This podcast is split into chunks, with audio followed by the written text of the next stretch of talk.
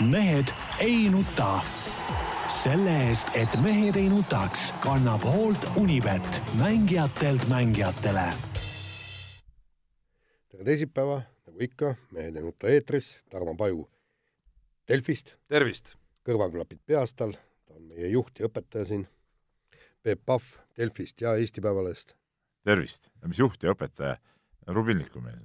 no ikkagi tema juhib. Ei, kui sa palju augud, keerab see on nagu see sul.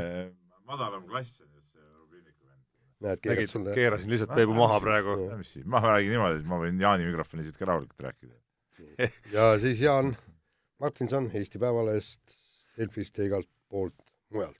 no saate alustuseks mina tahaks muidugi eh, õnnitleda seda meie kangelaslikku politseinikku, kes eh, võttis maha räige kurjategija ehk siis meesterahva, kes eh, tormas eh, koju naisel sünnitust vastu võtma, tegi talle neljasaja eurose trahvi ja ma arvan ja loodan väga, et, et president annab talle ordeni selle eest, et et ta nii vapralt ja vahvalt käitus ja, ja kõik ühiskond aplodeerib.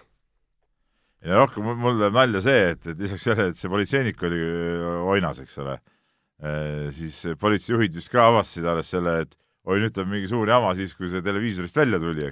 ja alles selle peale hakkasid seda, et noh, võiks ju trahvi tühistada, tead Mhm. naljavennad ikka, tead. ei, ja aga et see, ja see tuli välja ju kogemata, Kogemata, lisaks veel, et jah. see tubli kümneaastane poiss, noh, justkui noh, tema ei teadnud, et võib-olla ei tasu rääkima hakata, et siis tuleb sellest Jah. mingisugune suur aplaava, et rääkis selle lihtsalt eh, siiralt välja. aga samas noh, kui, kui nii hakata mõtlema, noh, ma miskipärast äh, arvan, et, et üheski äh, arenenud riigis ei pääseks äh, kodanik, kellel puudub mõtlemisvõime punkt üks ja südametunnistus pluss kak-, punkt kaks, ta ei pääsekski üldse sinna politseikooligi. sinna, seal ju tehakse testid. kuule, kuule, kuule, sa pole filme näinud, me Kuule, jooksid Peep- Tuha Juhanit seal. Ei, no see on filmis. kuule, Jaan, mis sa jamad filmis? ma mäletan väga eredalt siiamaani, kuidas me Peep kunagi kui oli ajalooline Final Four Moskvas, sõitsime tagasi no ma räägin arenenud no, riikidest. noh, ma ei, ma ei oleks, Jaan, nii, nii sinisilmne ikkagi praegu mm. -hmm. kui, kui me sõitsime Moskvast tagasi Peterburi suunas ja siis seal Moskva äärelinnas pidas meid kinni, see ei olnud isegi vist, oli see politseinik või oli see see kontrollpunkt või mis iganes see asi seal nagu on, onju, ja hakkas väitma, hakkas siis väitma, et see nii-öelda autole mõeldud äh, noh, lihtsas keeles vist autoviisa põhimõtteliselt või noh, et sa piiril oma autoga üle minnes pead ka kirju-, nii-öelda nagu võtma kinnituse, et see on sinu auto ja sa võid sellega riigis olla, plaanid olla mingi X kuupäevani, miks seda vaja on, ma ei tea, kas ikka on vaja ma ei ma ei tea. aga see ei ole isegi tähtis, tuli mees välja See ja jamb. hakkas väitma, et et see, et sellel äh, propuskil on peal kirjas äh, see kuupäev, mis seal oli, ma ei mäleta, ütleme, et see oli viies mai, ei, see oli hilisem ei, see oli lihtsalt peale üheksandat maid, üheksanda mai oletame, paraadi oletame, et kümnes mai näiteks on ju, et see tähendab seda, et üheksandaks maiks pead sa olema riigist läinud juba. Ja siis hakkas nõudma ja nõudma igasugu hüvesid ja ähvardama sellega, et kui neid ei täideta, siis see auto lihtsalt leiab koha endale seal selle putka taga parkimisplatsil. No jaa, aga minu meelest on väga, väga õiglane, et, et kui sa võrdled Eesti politseiniku äh, Nõukogude miilitsaga. Nõukogude miilitsaga küll. on sama, jah, ütleme niimoodi, et mul on noh, mujalt maailmast on väga häid, häid juhtumeid olnud, kui noh, näiteks Ameerikas, kui me, meil pidid inimesed vastu tulema ja, ja me, lennuk jäi mitu tundi hiljaks, siis me noh, helistame, et, et, et tulge nüüd vastu, nüüd me, meie lennuk maandus ja, ja kõik, eks. ja me noh, ühesõnaga seal keegi, kõneles selle telefoniga palju, politseinik tuli, küsis, et milles probleem, räägib, et näed, et ei saa kätte, et telefon kinni, helistas rahulikult sellele nii-öelda operaatorile, ütles, et palun katkestage see kõne, et, et inimestel on vaja sellega rääkida, katkestati kõne, me saime kõik oma asjad ära öeldud. selle asemel, et me, meid millegipärast vangi panna, kindlasti oleks põhjuse leidnud. kindlasti oleks teinud. no Jaani puhul on see, et vaata Jaanile otsa ja, ja on minek. ja, ja muidugi teine asi, keda ma tahan öö, õnnitleda ja tervitada, on siis kõiki Eesti restoranipidajaid. kuna käisin Itaalias, Bolognas, ma ütlen vahele, ma Jaani neid söögijutte sealt Jah. Itaaliast no,, olen pidanud kuulma mitu eile päeva hommikul ta tuli tööle ja vaikselt näen juba hiilib seal niimoodi seal kuskil sporditoimetus ja minu asukoht, noh, nad on ühes tiivas küll meie majas, aga siiski piisavalt kaugel, aga vaatan juba, juba ta hiilib ja silmanurgast jälgib, et millal nüüd ligi hakata, aga aga selles mõttes tunnustan jällegi, et ajab õiget juttu, teab, mis on hea, erinevalt Et- siin mõnest. noh, käis, käisime, käisime lihtsalt öö, oma võidetud nii-öelda kupongi eest, käisime abikaasaga söömas, suutsime siin Tallinnas kulutada Äh, kupongi. Ei no see, mis asi see oli, viiekümne jäähoki see, et Bolognast hakkad rääkima. ei, ei, ei, see jutt viib Bolognani. jaa, ja siis suutsime kulutada sada kaheksa eurot, eks, eel, eelsöögi põhiroa ja siis veini peale Itaalias me käisime nii lõunal kui õhtul käisime restoranis ja no sajast eurost ei, no ei olnud võimalik lahti saada, siis me oleksime kas ennast surnuks punkt üks söönud või siis surnuks joonud punkt kaks. Et parimal juhul kõige, kõige kallim üldse, mis meil kahe peale läks, oli, oli viiskümmend eurot. see oli ka hea söök ja hea vein. Enne kui spordi juurde läheme, siis meil on jooksvalt siin esimeste minutite jooksul tulnud äh, meie Facebooki chati ka üks äh, kuulaja tähelepanek Jaanile, vastupidi, näiteks USA-s tehakse testid ja kui sul on IQ teatud astmest kõrgem, siis sa politseisse ja eriüksustesse ei pääse. ei, aga muide, see on igal pool maailmas. põhjus väga proosaline, nimelt seal on tähtis käsku täita ja mitte ise väga palju mõtlema. aga just, eh, täpselt sama on ju ka Nõukogude Liidus KGB-sse. Eh, seal oli kohe niimoodi, tehti testid, esimene viis protsenti visati välja, siis tagumised viiskümmend protsenti visati välja, vot siis keskmistest valiti. ja ei, see on, eh, selles mõttes on ta küll nii, jah. ei no keskmine on kõige parem turvalisem. kuidas see oli, esimesed tapetakse, tagumised tallatakse, keskmised jäävad ellu eh?. Nii, aga sport? kütame nüüd spordiga edasi ja räägime alustuseks vehklemisest. tihe nädalavahetus, ütleme nii. ja hästi tihe nädalavahetus, sporti oli palju ja, ja meie kuulsad vehklejad Barcelonas vehklesid, Katrina Leis võitis vingelt individu-, individuaalturniiri ära, olles esimeses põhitabeli matšis ikka tõesti hädas, seda, seda matši ma juhtusin nägema, eks ta oli, ta oli kolme torkega taga veel, veel minu meelest viimasel veerandajal, aga sealt ronis välja ja lisaajal võitis lisatorkega. aga noh, tont sellega.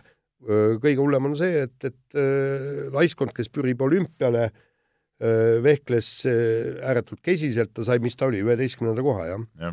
ja põhimõtteliselt väristas ära suure võimaluse jõu, jõuda juba praeguses faasis olümpiale või sinna väga lähedale ja nüüd on olukord selline, et isegi järgmisel ehk siis viimasel valikturniiril võit ei pruugi aidata olümpial juhul, kui, kuidas see süsteem oli, kui Ameerika on eespool Itaaliat ja Egiptus jõuab äh, maailma edetabelis kuueteist hulka, siis on kõik, olümpialootused on läinud. ja, ja Egiptus peab sisuliselt äh, ta on praegu ühe punktiga äh, kaotab nagu Jaapanile, kes on siis kuueteistkümnenda kohal, Egiptus seitseteist.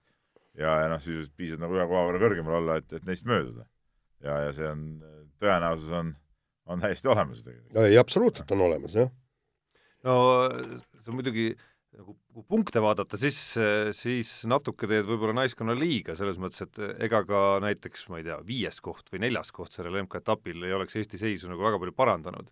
selleks, et selles keerukas tabelis reaalselt, reaalselt ei. oma seisu parandada, on meil vaja Itaaliast mööda. jaa, aga me oleks saanud Itaaliale palju lähemale. aga me oleks saanud lähemale jah, aga, aga me asuks, aga me asuks, aga me asuks, jaa, me asuks ikkagi nende selja taga, et nende, nendest möödaminek tundus siiski nagu noh, ma ei ütle utoopiline, aga noh, väga keeruline, kaks, kaks ülihead tulemust pluss teine asi on see, et meil on ikkagi äh, oleks saanud äh, lähimatest jälitajatest Prantsusmaast ja Ukrainast ettepoole, praegu on ikkagi väga suur oht, et Nad peavad vist mööda minna viimasel etapil. aga noh, needsamad arvutused, mida nüüd, äh, millest üks äh, nii-öelda kahest halvast äh, sai ka teoks, ehk siis see Itaalia möödaminek või vabandust, Itaalia langemine USA selja taha, need olid tegelikult õhus juba ka ju enne või pärast eelmist MK-etappi.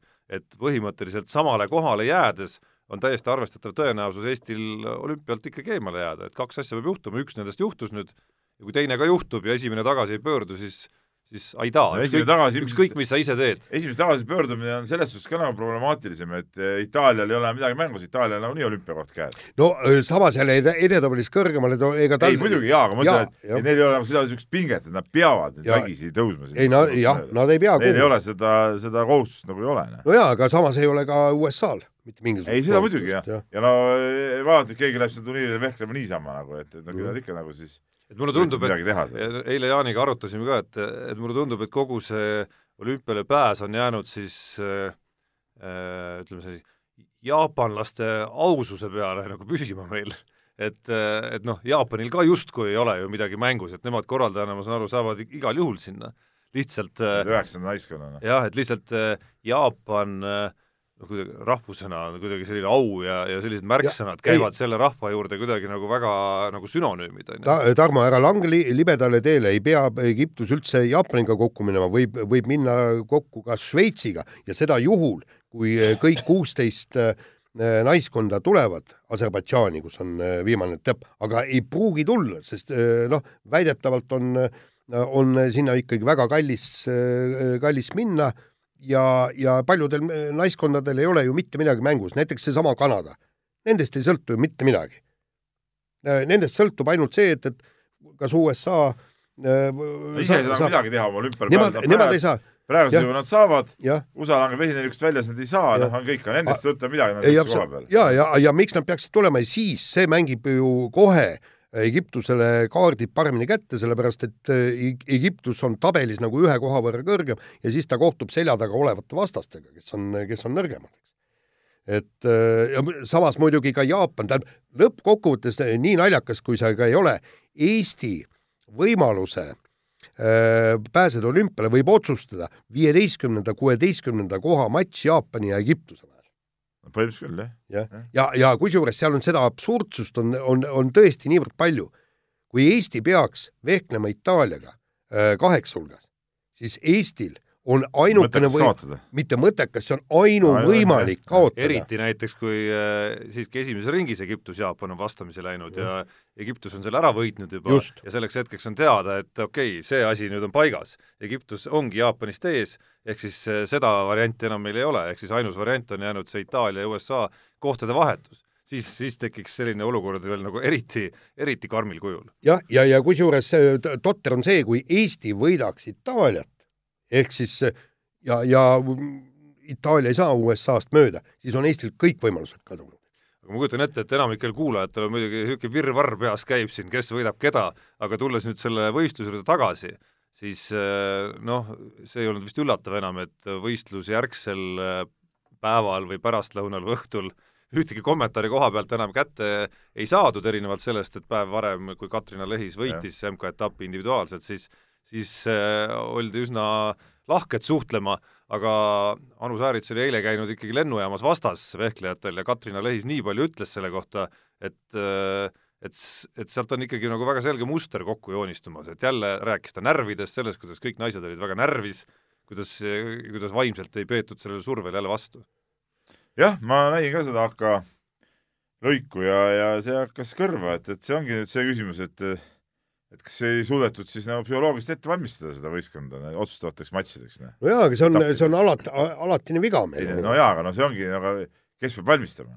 no jaa, aga, aga eelmises olümpiatsüklis saadi väga hästi äh, asi kokku, tähendab, kui äh,, kui okei okay,, noh, olid seal mingid skeemid või mitte, aga, aga turniir võideti, eks, ja, ja, ja siis kohe võideti ju kolmas koht otsa, millega siis kindlustati, tsementeeriti endal see olümpiale pääs. et siis olid ju samad vehklejad ja ei mingit probleemi, ei mingit närveldamist. kuigi närveldamine tuli olümpial, kui olümpial jah ja., tähendab, lähmerdasid ära ennast, eks ole. aga, aga see on jah huvitav, et kusjuures kõik on ju kogenud vehklejad, keegi ei ole ju ju niisugune, et nüüd äh, sattus kuskile ootamatusse olukorda, aastaid, aastaid on ju mõeldud ja ja Lehis ise on neist kõige kogenematum võib-olla, aga aga kõik nad tegid, ütleme, Erika Kirp oli ainuke, kes nendes kahes valusas kaotusmatšis, eks ole, kõigepealt siis äh, äh, aitäh Ungarile ja pärast äh, Saksamaale äh,, oli, oli äh, mõlemas matšis plussis. nii Julia Beljajeva kui Katrina Lehis olid, olid päris kõva, korralikus miinuses. ja kusjuures üt-, ütleme niimoodi, et, et ju Katrina Lehis on Euroopa meister, Julia Beljajeva maailmameister ja kui me vaatame neid turniire, kus nad selle ära võitsid, ehk siis EM-i, kui, kui seesama Katrina Leis tuli ju äh, räigest kaotusseisust välja nii poolfinaalis kui finaalis ja kui vaadata, keda Julia Beljajeva kaks tuhat kolmteist oli see ju, vaata, kui me mitu aastat tagasi, ta võitis kõiki maailma staare ja ilma, ilma igasuguse probleemita, ei olnud mingit närveldamist. et kuidas nad siis said pea tühjaks ja nüüd ei suuda oma pead tühjaks saada.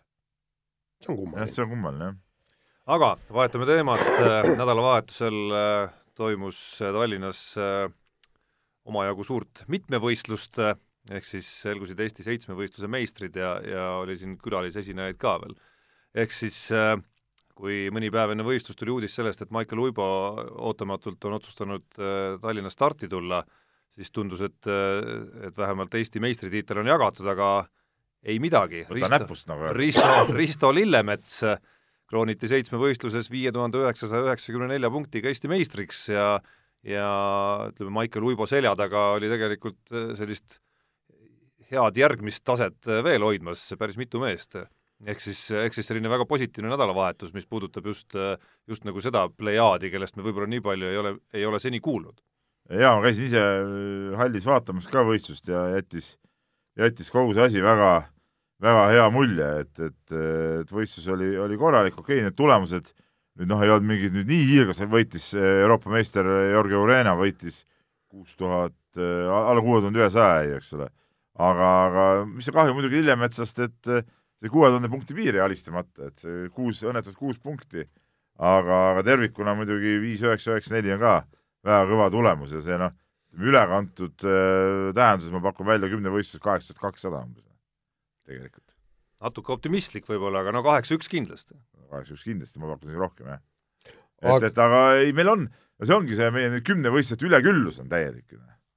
täielik kümnevõistlejate üleküllus ja tegelikult tegi ju ka korraliku võistluse David Zanjavski, eks ole, ka äh, isiklikku rekordit äh, kõvasti parandas, et, et äh, et on, on seal ka veel potentsiaal veel tõusta, tõusta kõrgemale ja noh, Maicel Uibo, no Maicel Uibost peab aru saama, et ega ta tuli ka ju suht äh, viimasel hetkel kohale ja, ja, ja ei olnud võib-olla lihtne siin kohaneda ajavahede ja asjadega ja aga, aga, hea, et ta tuli ja see andis ikkagi võistlusele väga kõvasti värvi juurde, tema osalemine. mis oli sümpaatne, oli näha ja kuulda kahte sportlast, ütleme kuidagi kontrastina sellele, mida me väga tihti muidu kuuleme Eesti sportlaste suust.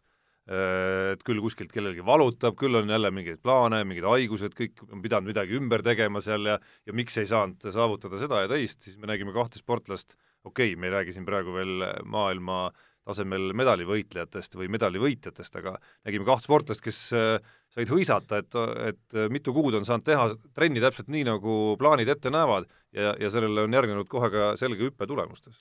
jah, ja ühest küljest on ääretult sümpaatne, et Eesti Kergejõustikuliit annab nii-öelda meie teisele ešelonile Äh, mitmevõistlejatele võimaluse võistelda EM-il ehk siis tule Eesti meistrivõistlustele, tee üle kaheksa tuhande punkti ja sa saad koha EM-il, aga samas on Eesti meistriks ka seejuures. jaa, jah, just. aga, aga seal on teine probleem, et meie suured staarid võivad selle tõttu jääda EM-ilt kõrvale ei no nüüd nad seda ju muudeti, et kui teed ka olümpial selle tulemuse ära, siis ikkagi saad EM-ile. ja, ja aga no ja. kellelt sa siis selle koha ära võtad, on ju? no kellelt, no vastavalt äh, tulemustele, kaks kohta on, äh, jääb üle, noh, EM-ile üks koht pannakse Eestikate põhjal, minu arust see on, see on väga õige, noh, see on väga õige, et kui me ei saa niimoodi, kui meil on nii palju heal tasemel mitmevõistlejaid, siis me ei saa mängida ainult seal kahe-kolme mehe peale, vaid see kaart peabki olema laiem ja, ja ja igal juhul väga hea, et Eestikate põhjal antakse üks koht EM-ile, see on täitsa viis pluss. aga olin siis, kui ma kuulsin esimest korda sellest äh, olin nagu suht skeptiline, aga see nädalavahetus natukene veenis mind ausalt öeldes ümber, et kui meil on tõesti noh, niisugused kaheksa, ühe, kaheksa, kahe potentsiaaliga poisid seal taga,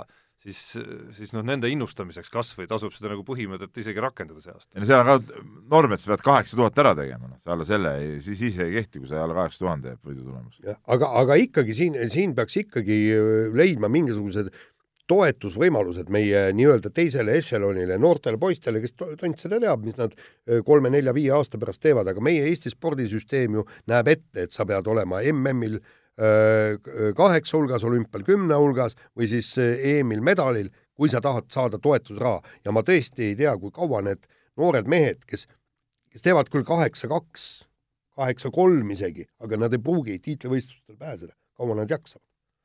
noh, siin on ka Team Estonia omamoodi kahvlis, kui nüüd tulla selle juurde, et et ühest küljest nad peavad seda medali potentsiaali hindama, aga kui sul on ees äh, selline plejaad, siis väga raske on seda seal näha, sest juba tiitlivõistlustele endale on raske pääseda. päris keeruline olukord, eks Kergejõustikuliit on esimene ikka, kes peab seal hoolitsema, et sellised äh, tüübid ei jääks kuidagi ula peale. vähemalt seni, kuni on lootus, et nad arenevad veel äkki kaugemalegi kui see kaheksa tuhat kakssada. jah.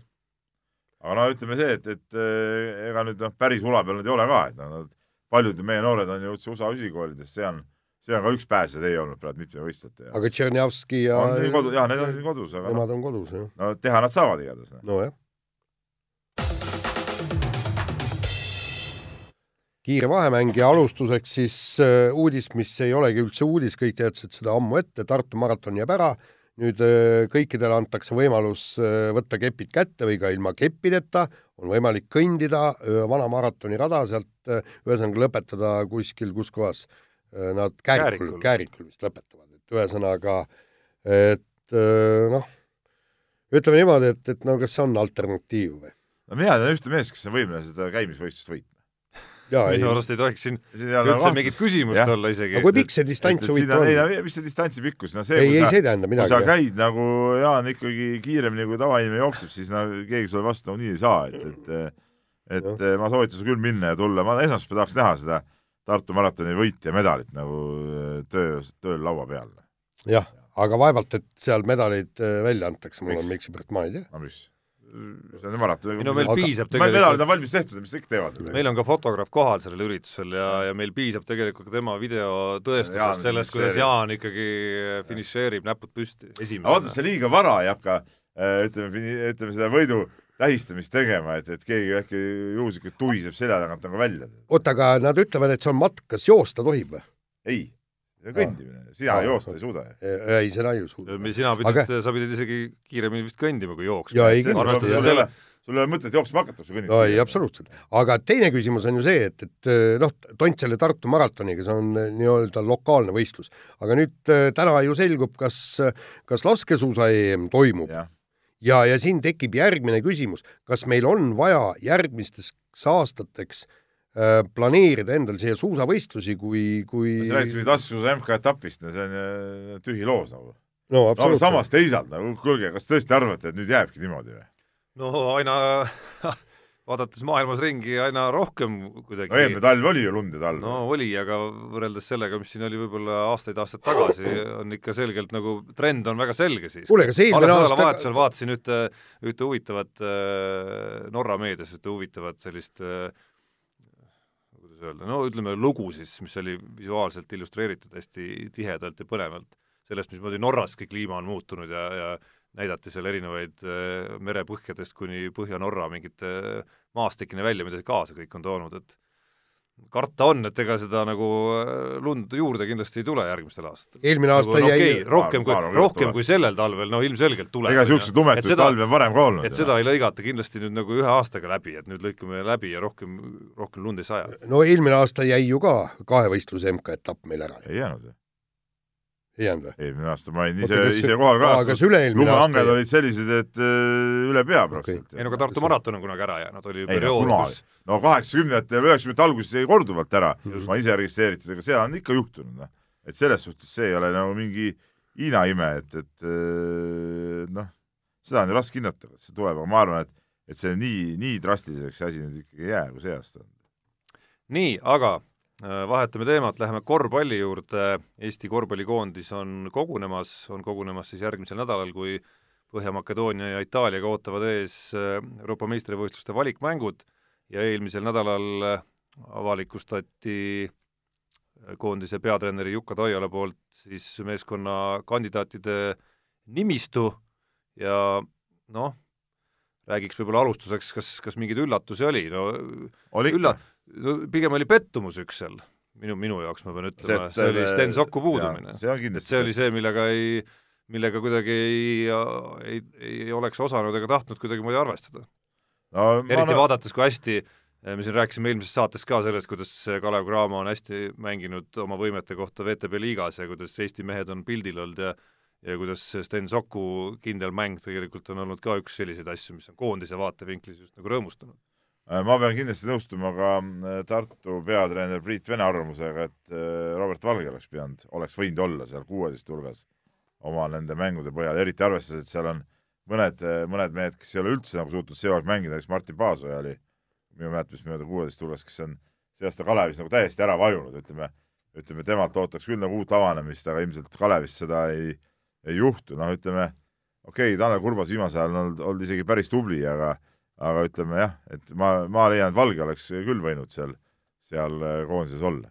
aga, aga mul ma ei näe teda nagu kaheteistkümne hulka kuidagi pääsemas siis. ei, asi ei ole kaheteist hulka pääsemine, asi on see, äh, sa, vot sa, Tarmo, ei mõista seda, et, et ainuüksi kuueteist hulka pääsemine oleks juba oluline asi nooremale mängumehele.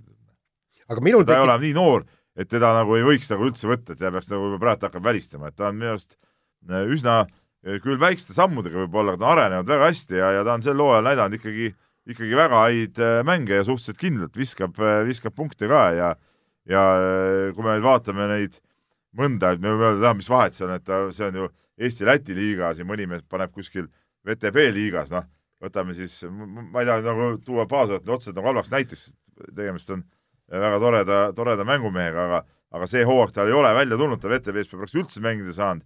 Ja Eesti-Läti liigas, noh, ta on, on saanud platsile küll ja teinud, aga noh, ta ei ole nüüd millegagi nii hirmsasti silma paistnud või olla rohkem silmapaistvam kui, kui näiteks seesama Valge. no aga mul tekkis see küsimus, kui see Jukka Toiala ütles, et Eesti trump võiks olla kaugvisked, eks, ja mul tuli kohe siis meelde need artiklid, mis ma olen siin aastate jooksul paar tükki kirjutanud, et, et meil enam neid kuldkäsi ei ole, no a la Kullamäe ja Kuusma ja ja noh, lähme veel tagasi, eks Tammiste, Krikun ja kõik, et et, et, et kus kohas, tehke mulle selgeks, kes on need vennad, kes hakkavad seal äh, tagant lindu laskma ja äh, nii nagu omal ajal Kuusma ja ja omal ajal Kulla, Kullamäe panevad kaheksa kolmest ära ja kumbki ja mäng on kodus. noh, niisuguseid mehi meil päris Kullamäe on täitsa koondises olemas. Kullamäe on olemas küll jah, aga noh, ütleme päris, ütleme sellel tasemel äh, viskajaid meil seal ikkagi praegu äh, ei ole.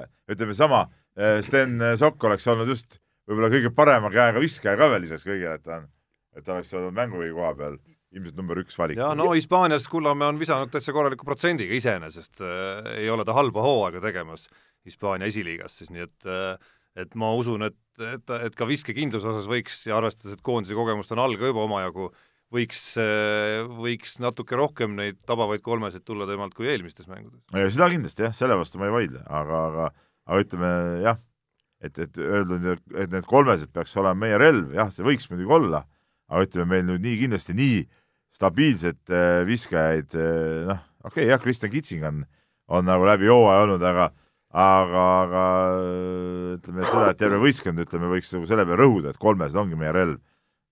ma julgen siin natuke, natuke kahelda selles praegu. jaa, mina või? ei, Peep. ei, mina, mina, rahu.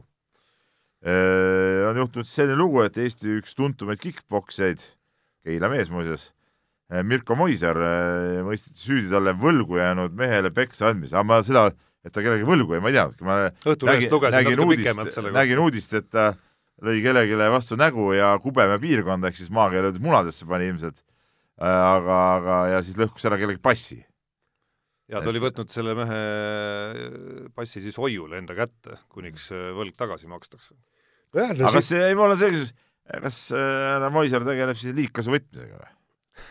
ei no ilmselt ta on Sellest... nii-öelda võla sissenõudleja, aga see ei no kes antud juhul nii-öelda enda antud juhul enda, enda. et, et liigkasvõtt järelikult siis, kui annab, annab laenu kindlasti protsendiga, eks ole. ei no ei ole kindel, et protsendiga. pressimas, kahtlane värk. Ei, aga siin on, siin on noh, tähendab selge, selge see, et, et tähendab punkt üks, ära anna laenu inimestele, kes seda sulle tagasi ei maksa, eks. ja, ja punkt kaks on see, et, et noh ma ei tea, kas on väga sümpaatne, eriti veel siis, kui sa oled nagu nii-öelda kick, kick-poksija, sa oskad lüüa ja siis me, me, minna, minna kellelegi kallale. ei no jaa, aga teisalt no, Jaan, aga teisalt Jaan, aga kui sa ei saa seda, kui, kui ta ei anna tagasi seda, mis sulle kuulub, mis sa teed siis? kohtusse. ei, mis kohtusse? mingi paber oli kuniks hakkab, kuniks hakkavad mingid kohtuveskid jahvatama, no seda saab ju nagu kiiremini ka lahendada jaa, aga noh, see osa, mis äh, võib-olla ma eeldan, muidugi eeldan, et seal varem on olnud ikkagi nagu mingeid mõistlikke nii-öelda suulisi vestlusi ja, ja, ja ja, ja jutuajamisi ka, et noh, see on küll viimane, viimane samm, aga, aga no noh, me ei tea seda tausta, ma ei julge nagu midagi öelda. ma ei tea, ma ei tea, ma olen niisugune vanakooli mees, mina omast ajast, ma ei tea, kuidas Tarmo sinu ajal oli, et meil oli ikkagi noh, koolis ikkagi kaklusi oli ja, ja aga, aga, aga seda, et, et nüüd keegi tugevam läheb nõrgemale kätega kallale, et seda meil aga koolis ei aktsepte-, ei, ei no umbes, no kuule, kui, kui üks on kick-poksi staar ja teine ei ole, on ju see on selge. aga meil koolis seda nagu ei aktsepteeritud ausalt öeldes no.. kas ei ole mitte nii, et tegelikult nendes võitluskunstide mingi kirjutamata reegel on, et sa see, nagu, sinna ma tahtsingi jõuda. sa nagu päris elus ei tohi neid võtteid tead kasutada. jaa, no aga Mirko Moisar ise on äh, propageerinud neid äh, samu mõtteid, mida sa praegu väljendasid siin, eks et, et selles osas peaksid olema, ma arvan, eriti veel Eesti sellised, noh Eesti, räägime kogu maailma kontekstis, võiks olla nagu kuidagi eeskujuks ka veel siis, siis nende põhimõtete rakendamisel või siis antud juhul mitterakendamises, et see, see tegelikult nagu rõõmu kindlasti ei tee, et, et nagunii on natukene selline väga, väga lihtsasti selline kaagimaine tulemas juurde nende alade juurde ja nende alade harrastajate juurde, kui vaadata ka tipp-MMA-d näiteks, on ju, ja Conor McGregorit ja kogu, kogu seda punti seal, et siis siis seda ei ole kunagi eriti nagu tore vaadata, seda enam, et seal, ma tean väga hästi, on ka väga intelligentseid ja, ja, ja väga toredaid inimesi. jaa, aga paraku jah, see, see võib jääda nagu väga kergelt külge, see, sa sellega igapäevaselt tegeled, et, et sa nagu lahendadki kõik probleemid sellega, et see on, see on väga kerge külge jääma. nii, aga lähme järgmise teema juurde, kiidunurk. Pärnu Salama korvpallimeeskond lõi Eesti-Läti liigas Pärnu VEF-i Pärnu VEF. või see Riia VEF. Riia VEF-i, pagan, ma, ma lugesin nii automaatselt. kontrolliks pandud. ja, jah, äh, nii, Riia VEF-i. et kas on ajud kaasa võetud, täna või ei ole? aga ei olnud, ei olnud. ei, automatism, ütleme. no see oli tegelikult äh, minu silmis võib-olla siin mõned ei ole objektiivne, Peep. ei, ma ei ole, ei, ei, mis objektiivne? ma olen korvpallimees ja ma ütlen, minu jaoks, minu jaoks oli see üks äh, selle nädalavahetuse kõvemaid asju tegelikult. Riia VEF-i võitmine Pärnu-sugusel meeskonnal, no ma, ma ei saa nagu jätta kiidulaulu laulmata eh, oma heale vanale sõbrale John eh, Kärbile, Johan Kärbile, kes on selle pundi seal, ütleme ikkagi nagu käima pannud, ütleme, võttis selle üle raskest seisust. On, on suutnud seda seal töös hoida ja, ja Veiko Rannula ka muidugi on teinud äh, treeneriga head tööd ja tegelikult nad suutsid seda meeskonda komplekteerida. ütleme, kui me näeme siin mõnda, mõnda teist võistkonda, teisi võistkondi komplekteerimas, et tuuakse mingeid vendi, ei sobi Kale. jälle minema Kale. ja nii edasi, aga seal on toodud ikkagi, äh, ikkagi äh, mehed, kes on nagu ikka mehed, võtame kas või viimane, võtame kas viimane täiendus. ja see ei ole esimene, esimest aastat. ei ole, ei ole nii. Ja, ja, ja võtame kas viimane täiendus eh,, toodi Ventspilsist ikkagi, ikkagi tõeline mängumees, tõeline mängumees. et, et ei minda nagu mingite siukse peale, et, et ah, nii, siin on mingisugune kolmesaja viiekümne eurone mees toome ta siia, vaatame, kas oskab mängida ka, tead. või ei ole niimoodi, noh. seda tuuakse mehi, keda nad teavad ikkagi, mis mees see on. jah, ja Peep siin üritas küll vältida väga isikuliselt rääkimisest, aga aga ma siis äh, täiendan ise, et, et siin kindlasti teise äärmuse näitena võib siis välja tuua meeskonna nimega Kalev Tallinna Ülikool või kuidas see korrektne nimetus nüüd oleks seal, kus siis viima-, hiljuti oli vist keegi saja kaheksakümne kilone isegi kohale saabunud ootamatult. selgus, et ta ei jaksa isegi ühest saali otsast teise joosta. aga nüüd, nüüd ta on lahkunud. aga mis selle VEF-i mängu, ma tahaks VEF-i juurde ikka tagasi tulla, noh, eks seal oli ikkagi jälle nagu ma pean siin oma, oma nina ka tõstma, et noh, ikkagi üks Keila mees pani olulise eh, blokeeringu ehk kulbi korvpallikeeles, nii et noh, nii on, nii need asjad käivad, Jaan. Jaa, siin on raske mitte selle kiitusega ühineda ja lisaks äh, täiendan veel eraldi seda Heiko Rannula osa, et äh, Ivar Jutšenko oma Pihtas põhjas podcastis hiljuti Heiko Rannulat ka küsitles äh, tunde natukene pealegi ja tegelikult soovitan, selles mõttes väga huvitav kuulamine oli, rääkis nii üsna enesekriitiliselt oma mängijaperioodist ja sellest, miks tast kunagi ei tulnud ütleme siis tipptasemel mängijat, kuigi ta oli ka koondises otsa peal seal ja, ja tegelikult potentsiaali ju, ju oleks olnud, kui ka rääkis ka oma treeneri ambitsioonidest, mis kõlasid, kõlasid väga põnevalt tegelikult. jaa, olen ka kuulanud seda saadet ja, ja tipp-topp jutt ja noh, korralik asi. See on ikka asi, mis jääb nagu Pärnu korvpalli ajalukku igal juhul, see mäng ja see asi üldse aga äh, maailma spordiajalukku läks äh, eelmisel nädalal äh, nooruke rootslane, kahekümneaastane Armand Duplantis. mis meil maailmastki, meil on oma Eesti. no Eestis võime ka siis öelda, et ka Eesti spordisõprade silmis ajalukku, ütleme nii. Armand Duplantis, kes püstitas teevashüppes kuue seitsmeteistkümnega uue maailmarekordi ja noh, jutud on nüüd ikka nii kõvad, et uus Usain Bolt on valmis no eks ta äh, mingi gigatalent muidugi on, et Märt just äh, Märt Roosamäe, noor reporter, äh, vaatas pühapäeval äh, noore mehe teevashüppe isikrekordi arengut, et kui vanalt ta siis hüppas näiteks minu teevashüpperekordi üle, kui vanalt Madis Kalveti ja kui vanalt siis Märdi, et noh, et ütleme nii, et mudilase eas juba oota, mis su teevashüpperekord oli? Äh, kaks nelikümmend ja mis sul oli? kaks kaheksakümmend. noh, ega siin polegi väga, väga suurt vahet, et noh ja, ja, ja aga Madis Kalvet muuseas on meist kehvem mees, tal oli minu arust kas rutt seitsekümmend või rutt kaheksakümmend. ta on ainult ühe kümnevõistluse teinud ja seal ühe korra ta see kõrgust ka rohkem. Hüppas. no vot, aga noh, vaata, see ongi siin, ütleme siin laua taga ongi praegu andekad inimesed, aga noh, on ka andetud inimesed, kes üritavad midagi kes ei pääse siia stuudiosse. ei pääse siia stuudiossegi ja siis hüppavadki nii vähe nagu teivast. aga no see selleks, et noh, tegemist on mingi giga, giga, giga, giga niisuguse ande ja, ja looduslapsega, see on, see on nagu selge ja ja ma usun küll, et no kas ta Usain Bolti sarnaseks tõuseb, ütleme noh, üks asi on saja meetri jooks, teine asi on teivashüpe, eks ole, kuigi mulle nagu väljakul väga meeldib. ma, ma, ma mõtlen. ja meeste teivashüpe on kogu konkurentsi vaadates ka sellises seisus, kus kujusid on rohkem kui ainult duplantis. jaa, seda küll, aga ma ütlen, et et nagu maailma pikem, laias, laias maailmas ikkagi jooksu mõistetakse nagu paremini võib-olla, selles mõttes asi. aga, aga seal reservi, ma arvan, et on meeletult. rääkisin eile Erki Noolega, ta ütles, et nad äh, punkt üks, Duplantis on looduslaps ja ta tõi välja ju selle, et tal on ju vennad ka, kes tõesti samamoodi hakkasid kuueaastaselt koduhoovis teivast hüppamas.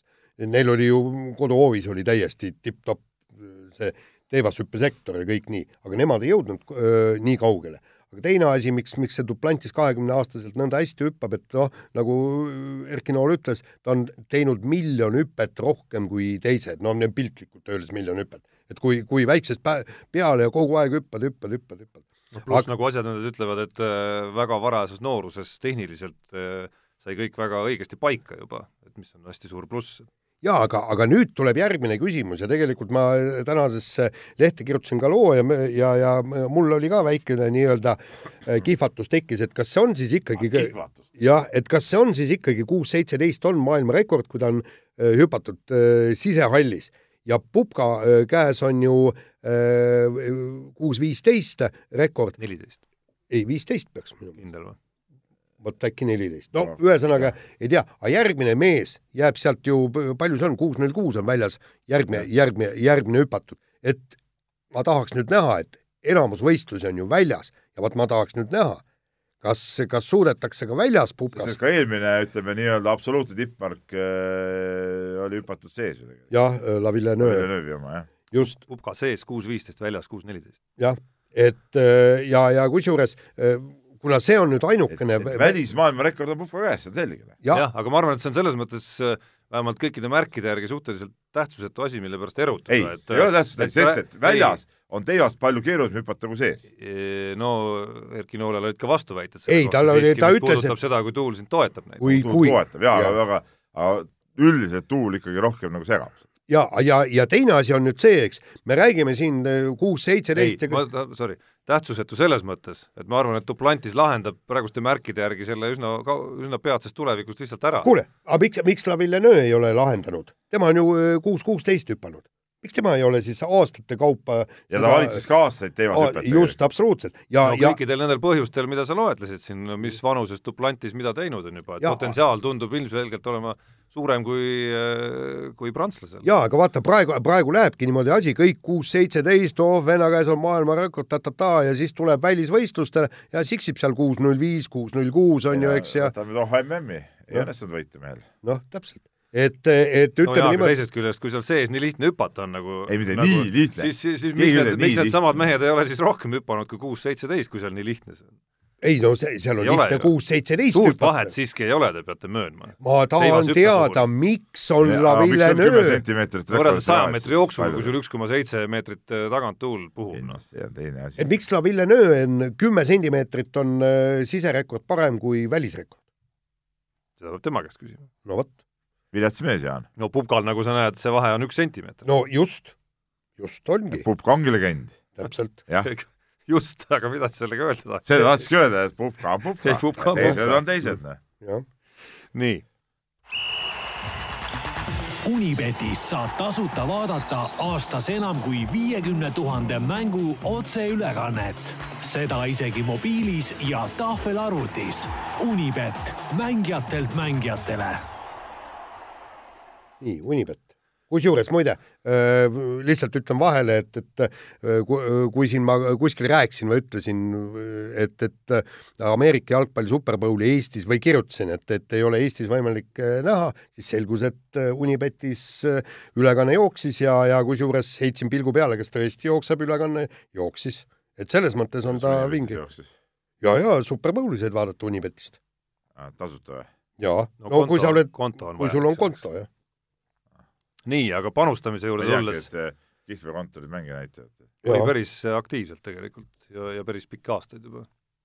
aga ja. tulles meie vahelise võistluse juurde, siis mina vana rumal ostan alati igast, kui ma tahan midagi vaadata välismaal olles Euroliigat, siis ma olen ostnud endale Euroliiga selle passi ja nii edasi ah,. Cool. ma ei ole kusjuures pead ei anna nüüd täpselt, et noh, mis kihlveokontor, mis alasid täpselt näitab. aa, kuule, Tarmo, sellega seoses kohe küsimus.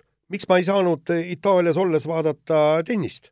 ma oleks, oleks hirm, hirmsalt tahtnud Delfi kaudu tennist vaadata. ülekanne oli ei, mis mõttes, me oleme ju Euroopa Liit ju. jaa, kusjuures see on teema, mida, mida me eelmisel nädalal just äh, äh toimetuse sees ka arutasime, et äh, et praeguste nii-öelda nagu uuenenud reeglite järgi peaks olema võimalik seda lahendada, aga noh, see eeldab, et me teeksime mingeid tehnilisi arendusi sinna juurde, kus me nii-öelda autendime su ära ka, et, et, et ka Itaalias me teaksime, et sa oled ikkagi seesama Jaan Martinson, Eesti kodanik ja ja sul on õigus seda näha. no ma võin sulle helistada, öelda, näed, ma olen Jaan Martinson. No, kui sul, et vaataja on rahulolematu, sama asi on see, et ei, see on väga, see on väga asjakohane tähelepanek, just, just, just arutasime seda asja. sama asi puudutab ju ka seda, et no vana, mul oli see Viasat Sport Baltic või no nüüd ta on siis kolm spordi, mul on seal ka konto, eks ole, et noh. aga seal peaks toimima täiesti. välismaal? ei, ma ei ole alles saanud ma käisin äh,, alles ma käisin Balkanil ja ja täiesti toimis. aga, aga mul on olnud, et ma ei ole saanud, noh. seepärast mul ongi Euroliiga võetud eraldi.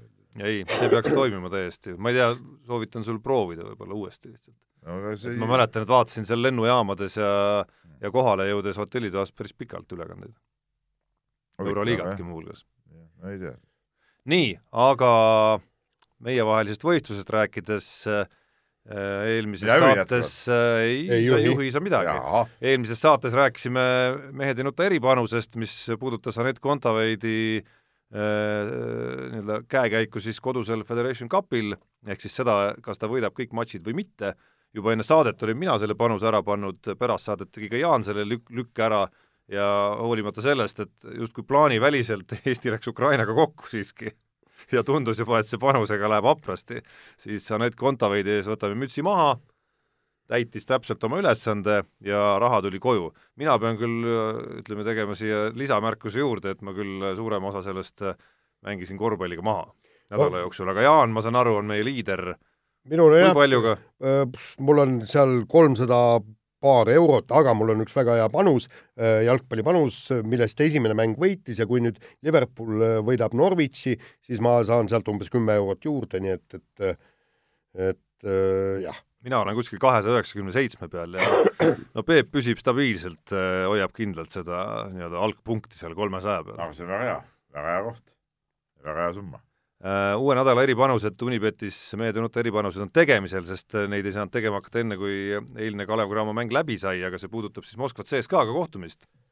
tulemus on kaks äh, eripanust, kui täpsemalt öelda, üks siis lihtsalt võimendatud võidukoefitsiendid ja teine nii-öelda nina-nina vastu, kumb viskab rohkem punkte, kas Mike James või Kyle Vinales?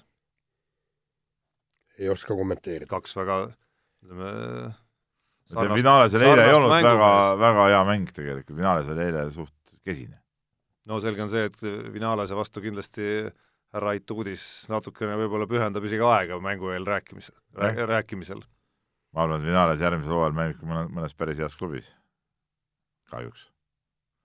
kahjuks see klubi ei ole Kalev vist jah, nii see kipub olema, aga noh, teisest küljest ka tore jällegi. ei, seda muidugi, nii. et noh, see tee, et see, et see teekond ei jada, olgem ausad, teisest küljest on kindlasti see, mis aitab Kalevil äh, selliseid mehi võib-olla ka saada oluliselt kergemini. ja ta ei ole esimene mees, kes siit lendab kohta. kes siit lendab, eks ole, Shamon Lewised ja Tony Rotenid, kes kes just üle-eelmisel nädalal läks Hispaaniasse, okei okay,, ta ei läinud otse Kalevist, aga läks Hispaaniasse ja esimeses mängus äh, Badalona Juventudiga aitas võita Madridi Reali. selline käekäik siis nii, aga kirjad jah, kirju on nagu alati palju, osad asjad lähevad siin tennise teemas sisse, need tuleb kõige lõpus, kuna meil tuleb tennise teema järgmisena ka. aga hakkame kõigepealt pihta. Peep on kirjutanud ja see ei ole mina, võin tunnistada. kas oskate selgitada, miks suusahüpetes peavad kohtunikud andma stiilipunkte?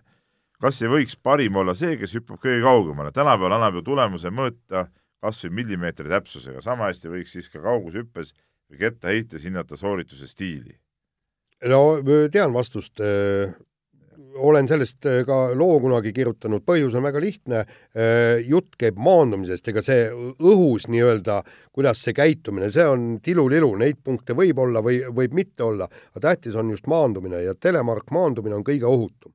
Ja kui, kui me võtame selle stiili ära, siis hakatakse tõesti neid hüppeid venitama, maanduvad potile, nii, nii öeldakse, eks, potile, kui jalad, jalad kõrvuti ja see muutub eluohtlikuks. et see, see on sisuliselt ainukene põhjus. silemaa tuleb vastu, ühesõnaga. no just ja, ja sa venitad neid teadlikult neid hüppeid pikemaks ja, ja kusjuures olen ise ka mõned suusahüpped kunagi teinud ja tõesti. ei, oot, oot, oot, oot, ei, ei, oota, ma. mis mäel, oota. Marumägi. ei ole, ei, ei, see, see oli vist kuueteist meetri, meetri mägi, päris õudne oli sealt omal ajal. ise sealt alla ei tuleks, olgem ausad.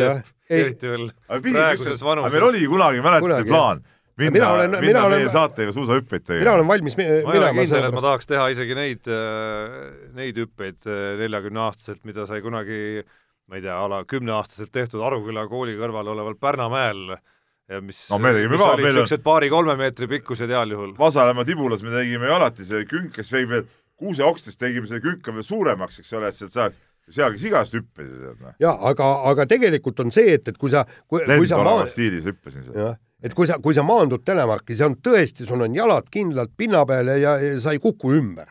et, et olen ise ära katsetanud ja, ja tõesti no, nii ta on. sa ütled, see telemark maandumine on nii kindel.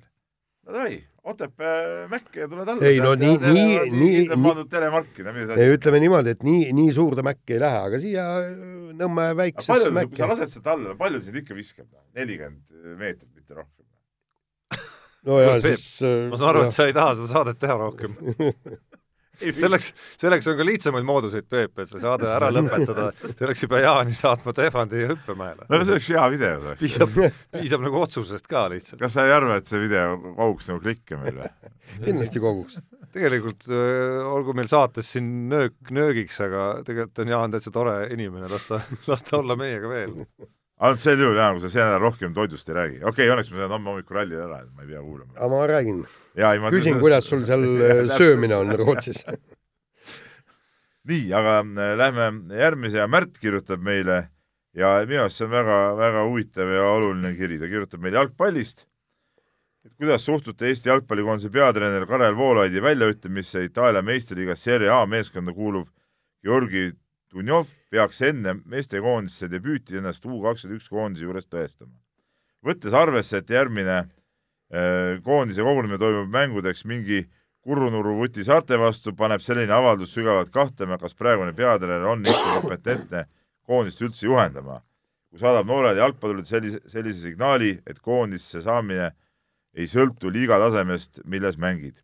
alles aasta lõpus sai Dunjov Itaalia suurklubi AC Milani vastu kirja täismängu üheksakümmend minutit, samal ajal kui mõni teine koondislane kuskil Kasahstani või Soome liiga tundmatus satsis pingil istub.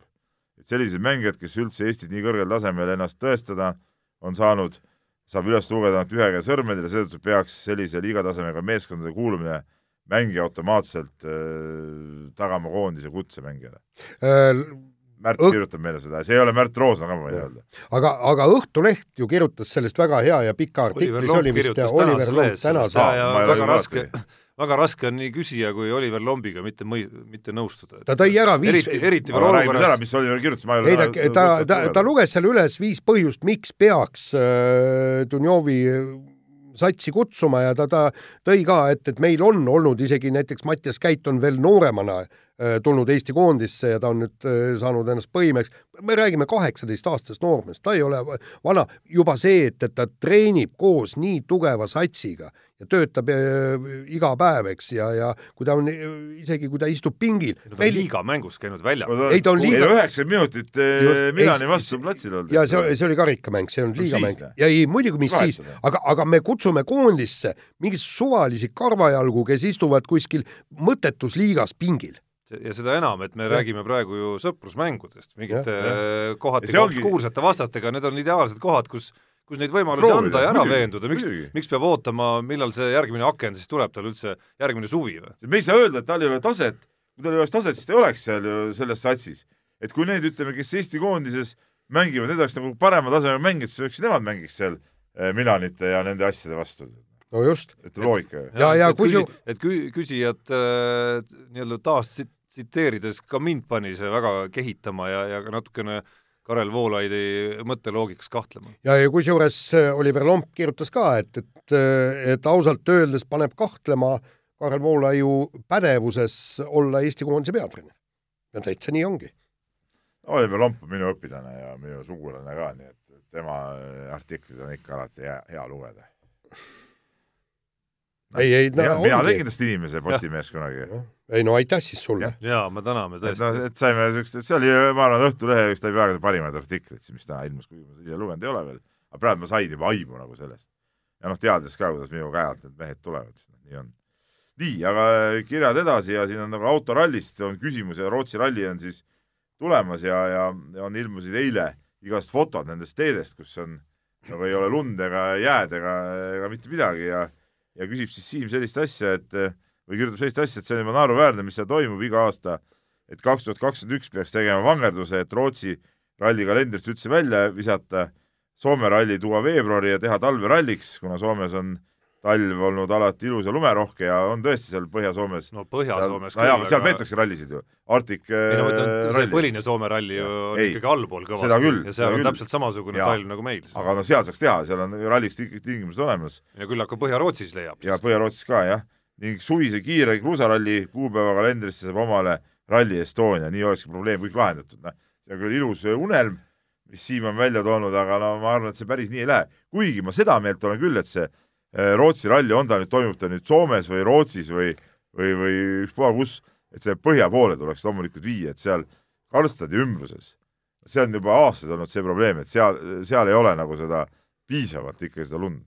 jaa, aga noh, nagu ma Peep kui eelmine aasta näiteks, okei okay,, no seal oli ka lörtsi niisugust, aga, aga lund oli ikkagi ka tegelikult, et eelmine aasta oli täitsa okei. Okay.. ja, ja nagu ma Peep sulle ütlesin, ma kuskilt lugesin mingist artiklist, ma pean vaatama, kas ma võib-olla leian selle üles et promootor äh, ja FIA, kes, kes nüüd äh, ralli MM-sarja läbi viivad, et andsid teada, et kui ralli jääb ükstapuha mis põhjusel ühel aastal ära, siis järgmisel aastal seesama paik, äh, seesama riik enam rallit endale ei saa. Ja see on ka põhjus, miks see Rootsi niivõrd ponnistab ja punnib, et seda rallit kuidagigi korraldada, kuigi teed on ju praegusel hetkel lumest ja jääst täitsa vabad aga rallist me veel räägime. jaa, lihtsalt siin on no, iseenesest on see punnitamine kiiduväärt ilma selle põhjusetagi, et no ja. loomulikult ju kõik noh, ma arvan, et rallimaailm tahab, et see ralli toimuks ja, sõitjad tahavad, fännid tahavad ja korraldajad loomulikult äh, ammugi tahavad, et äh, oleks imelik, kui nad nagu ei teeks seda, aga, aga tulevikku vaadates mulle tundub jah, et okei okay,, ma saan aru, et sellel on omad traditsioonid seal ja kõik need kohalikud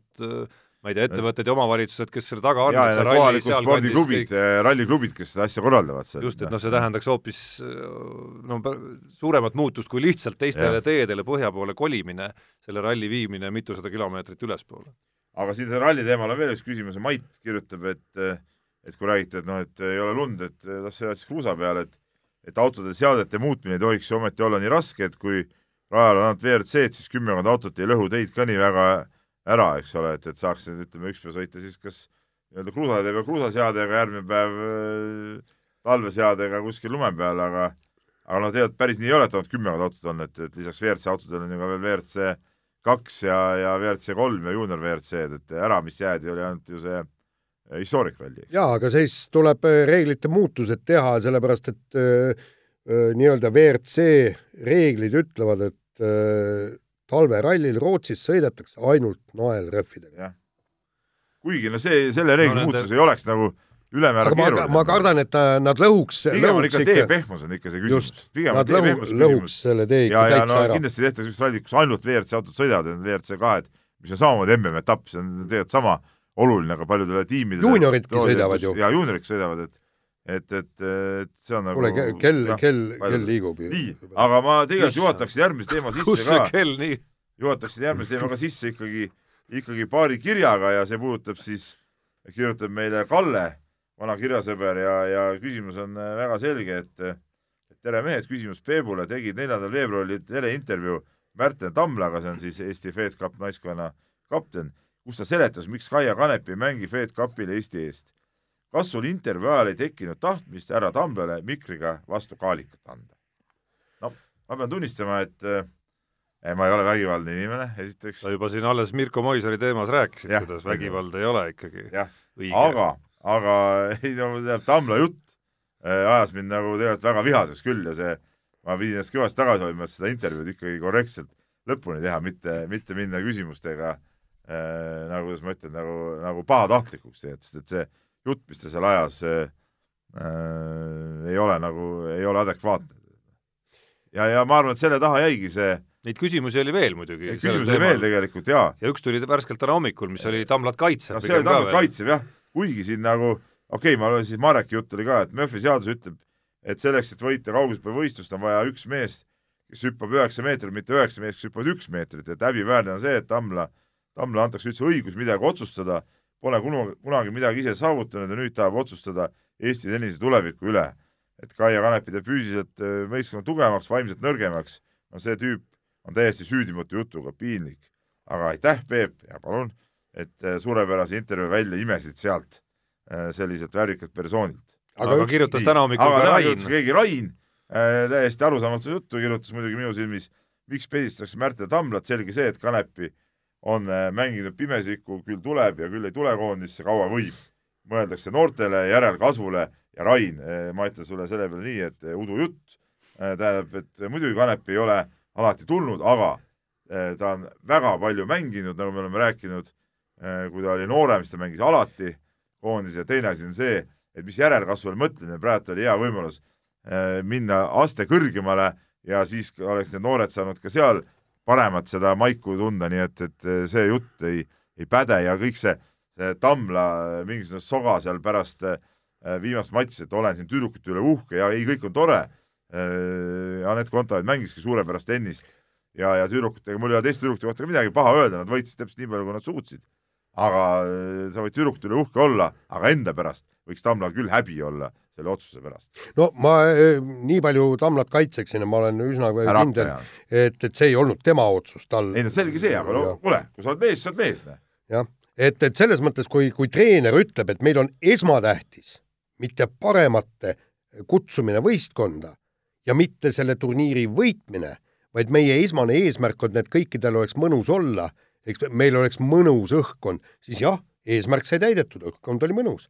ja, ja, ja, ja huvitav, kas Tamla siis ka, tähendab, keegi tuleb tema juurde trenni, ütleb, et ei, noh, tead, et, et, et meie me,, meie esmane eesmärk on see, et meil oleks trennis mõnus õhkkond. et mitte see, et, et palju tööd ja palju vaeva, aga lihtsalt, et mõnus olla, eks olla.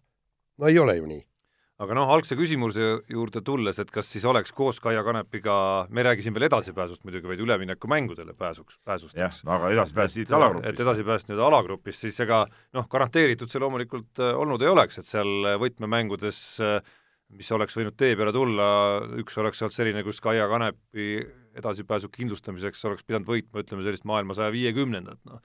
No aga see oleks no, tõenäosus tõenäosus, tõenäosus oleks selgelt olnud hoopis suurem, eks ole, Ukraina vastu näiteks oleks olnud äh, siis me oleks Ukrainaga kokku läinud ka. läinudki just, aga noh, oletame, et oleks läinud ikkagi äh, mingi valemiga, noh siis oleks olnud ikka väga keeruline loomulikult, aga noh, Kontaveit võitis endast äh, ka tunduvalt kõrgemal asuvat mängijat, nii et mine sa tea. saja viiekümnes mängija ei ole Kanepist kõrgemal, vaid ikka madalamal. jaa, madalamal jah, ümmarguselt viiskümmend kohta. täpselt, et, et ma ütlen, et võimalused oleks olnud igal juhul, igal juhul suured ja, ja, ja noh, see oli, see oli häbiväärne oli kogu see asi. ükspuha, kes selle otsuse taga on, on see president äh, Pant, on see kapten Tammla, äh, ma leian, et äh, nendel meestel tuleks küll tennise juurest nad mõneks ajaks nagu tagasi tõmbuda, koondise juurest vähemalt. nii, aga ma usun, et hüppame saate lõpetuseks Rootsi ralli teema juurde tagasi. just. jah. no mis seal ikka? homme on viis nelikümmend lennuk ja tuleb minna kuna sealt äh, kaugelt Vasalemmast tulla, et põhimõtteliselt saad kodus õhtul kõhu täis süüa ja siis kohe autosse ja lennujaama poole. nii, nii kipub olema. no ütleme niimoodi, et, et Thierry Neville ütles ära, et, et mis sellest rallist tegelikult ilmselt saama hakkab, et, et kuna lund ei ole, jääd ei ole, ja kui äh, nii-öelda kruusal sõites hakkavad need piigid äh, seal loksuma, välja tulema, siis ja siis kaob pidamine üldse ära, eks, et siis kogu elu käibki selle peale, et kuidas nii-öelda säästa rehve, mitte see, et, et kui, kuidas täiega kihutada. et, et see saabki põhiliseks. Ja see on muidugi kahetsusväärne, kui nii tõesti läheb. Äh, aga no, no pigem ta lähebki nii, noh. siin ma ei näe nagu muud, muud äh, varianti ja, ja pigem on muidugi see, et ma ei ole veel üldse täitsa kindel, et see ralli ikkagi üldse peetud saab seal.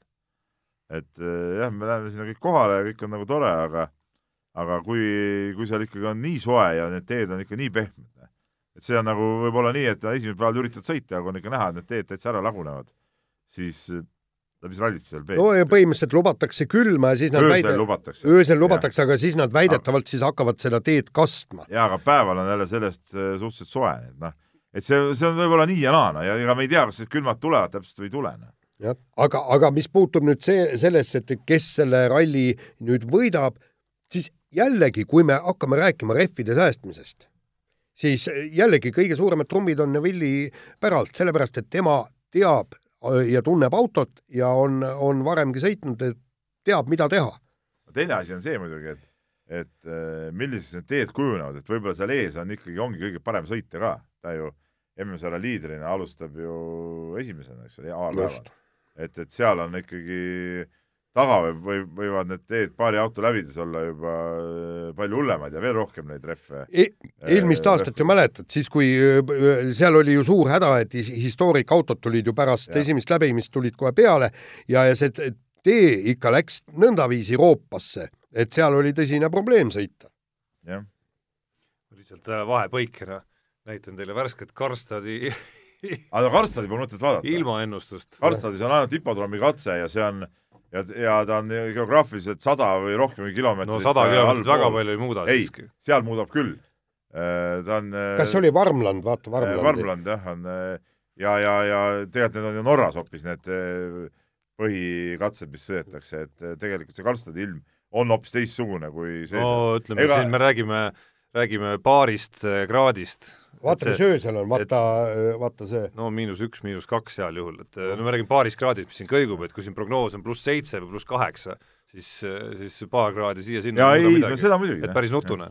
päris nutune, jah. ja ütleme niimoodi, et, et äh, absoluutselt ei oska mitte midagi jällegi ennustada, tähendab äh, nii totter ei, ma ütlengi, et see on nagu selles suhtes, ta on nagu ta on nagu kõige ennustamatum rallist, et äh, esiteks ei ole teada nendest oludest midagi, ei ole teada, kellel mis seal eelis võib olla ja, ja, ja kuidas neid autosid täpselt paika panna, et kõik need testid, mis tehti võib-olla siin äh, Hyundai'gi tegi äh, ütleme noh, ikkagi talvetingimustes enam-vähem, ei pruugi seal nende teede peal tegelikult absoluutselt mitte midagi maksta. jaa, kusjuures ma vaatasin ka neid teste, et seal tegelikult teede peal lund ei olnud, oli jää, eks, et, et äh, nii, äh, nii-öelda, kes see, kes see tegi äh, varem testid ära äh,, lume peal testis, kas, kas keegi on teinud, kas soomlased. no jaa, aga jää, kui sul ei ole seda jääd ka õieti, noh siis no, ei pruugi need, need, need nagu midagi ei maksta, et kui läheb tee väga pehmeks seal ikkagi, no siis siis ei pruugi need seadistused üldse paika pidada. jaa, aga põnev on ikkagi ja, ja kui ikkagi MM-punkte jagatakse, hoiame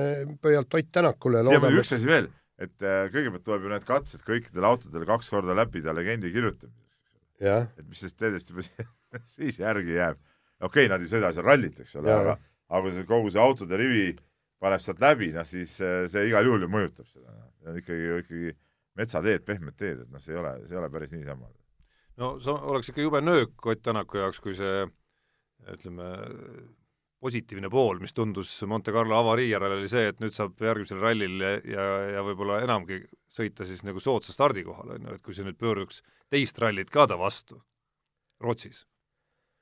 see oleks jah, nukker. no aga siis tuleb järgmine, tuleb äh Mehhiko. no kruusarallisid on palju õnneks, kus, kus ja, pigem peaks seal, seal on kasulik aga selge, nädala pärast on meil selge, mis sai Rootsi rallist ja, ja mida meie laskesuusatajad on suutnud teha ja üldiselt MM algab siis ära, meil ongi teema, millest me ei jõudnud rääkida, kell läks juba nii paljuks, aga ja. aga noh, ega seal ütleme hooaja põhjal väga palju rääkida ka pole. jah, aga ütleme niimoodi, et, et vaadata tasub laskesuuska ikkagi. põnev. põnev jah, ja huvitav, kas Norra võtabki kõik medalid ära või mis asja? aga miks mitte? kõik medalid või? jah kus, kus, kus, kust niisugune mõte äkki ei, ma, ma lihtsalt üldse kõik ja miks Norra? ei, ei mitte kõik kullad, ei, kõik kullad. me räägime kahevõistlusest. ei, ei, kõik kullad, kõik kullad, jah. aga see kahevõistlus on ka täiesti absurdne sel aastal. on. nii. sellega on saade läbi ja kuulake meid nädala pärast. kuulamast ja vaatamast ja kohtume Juhu. järgmisel teisipäeval. mehed ei nuta saate tõi sinuni Unibet, mängijatelt mängijatele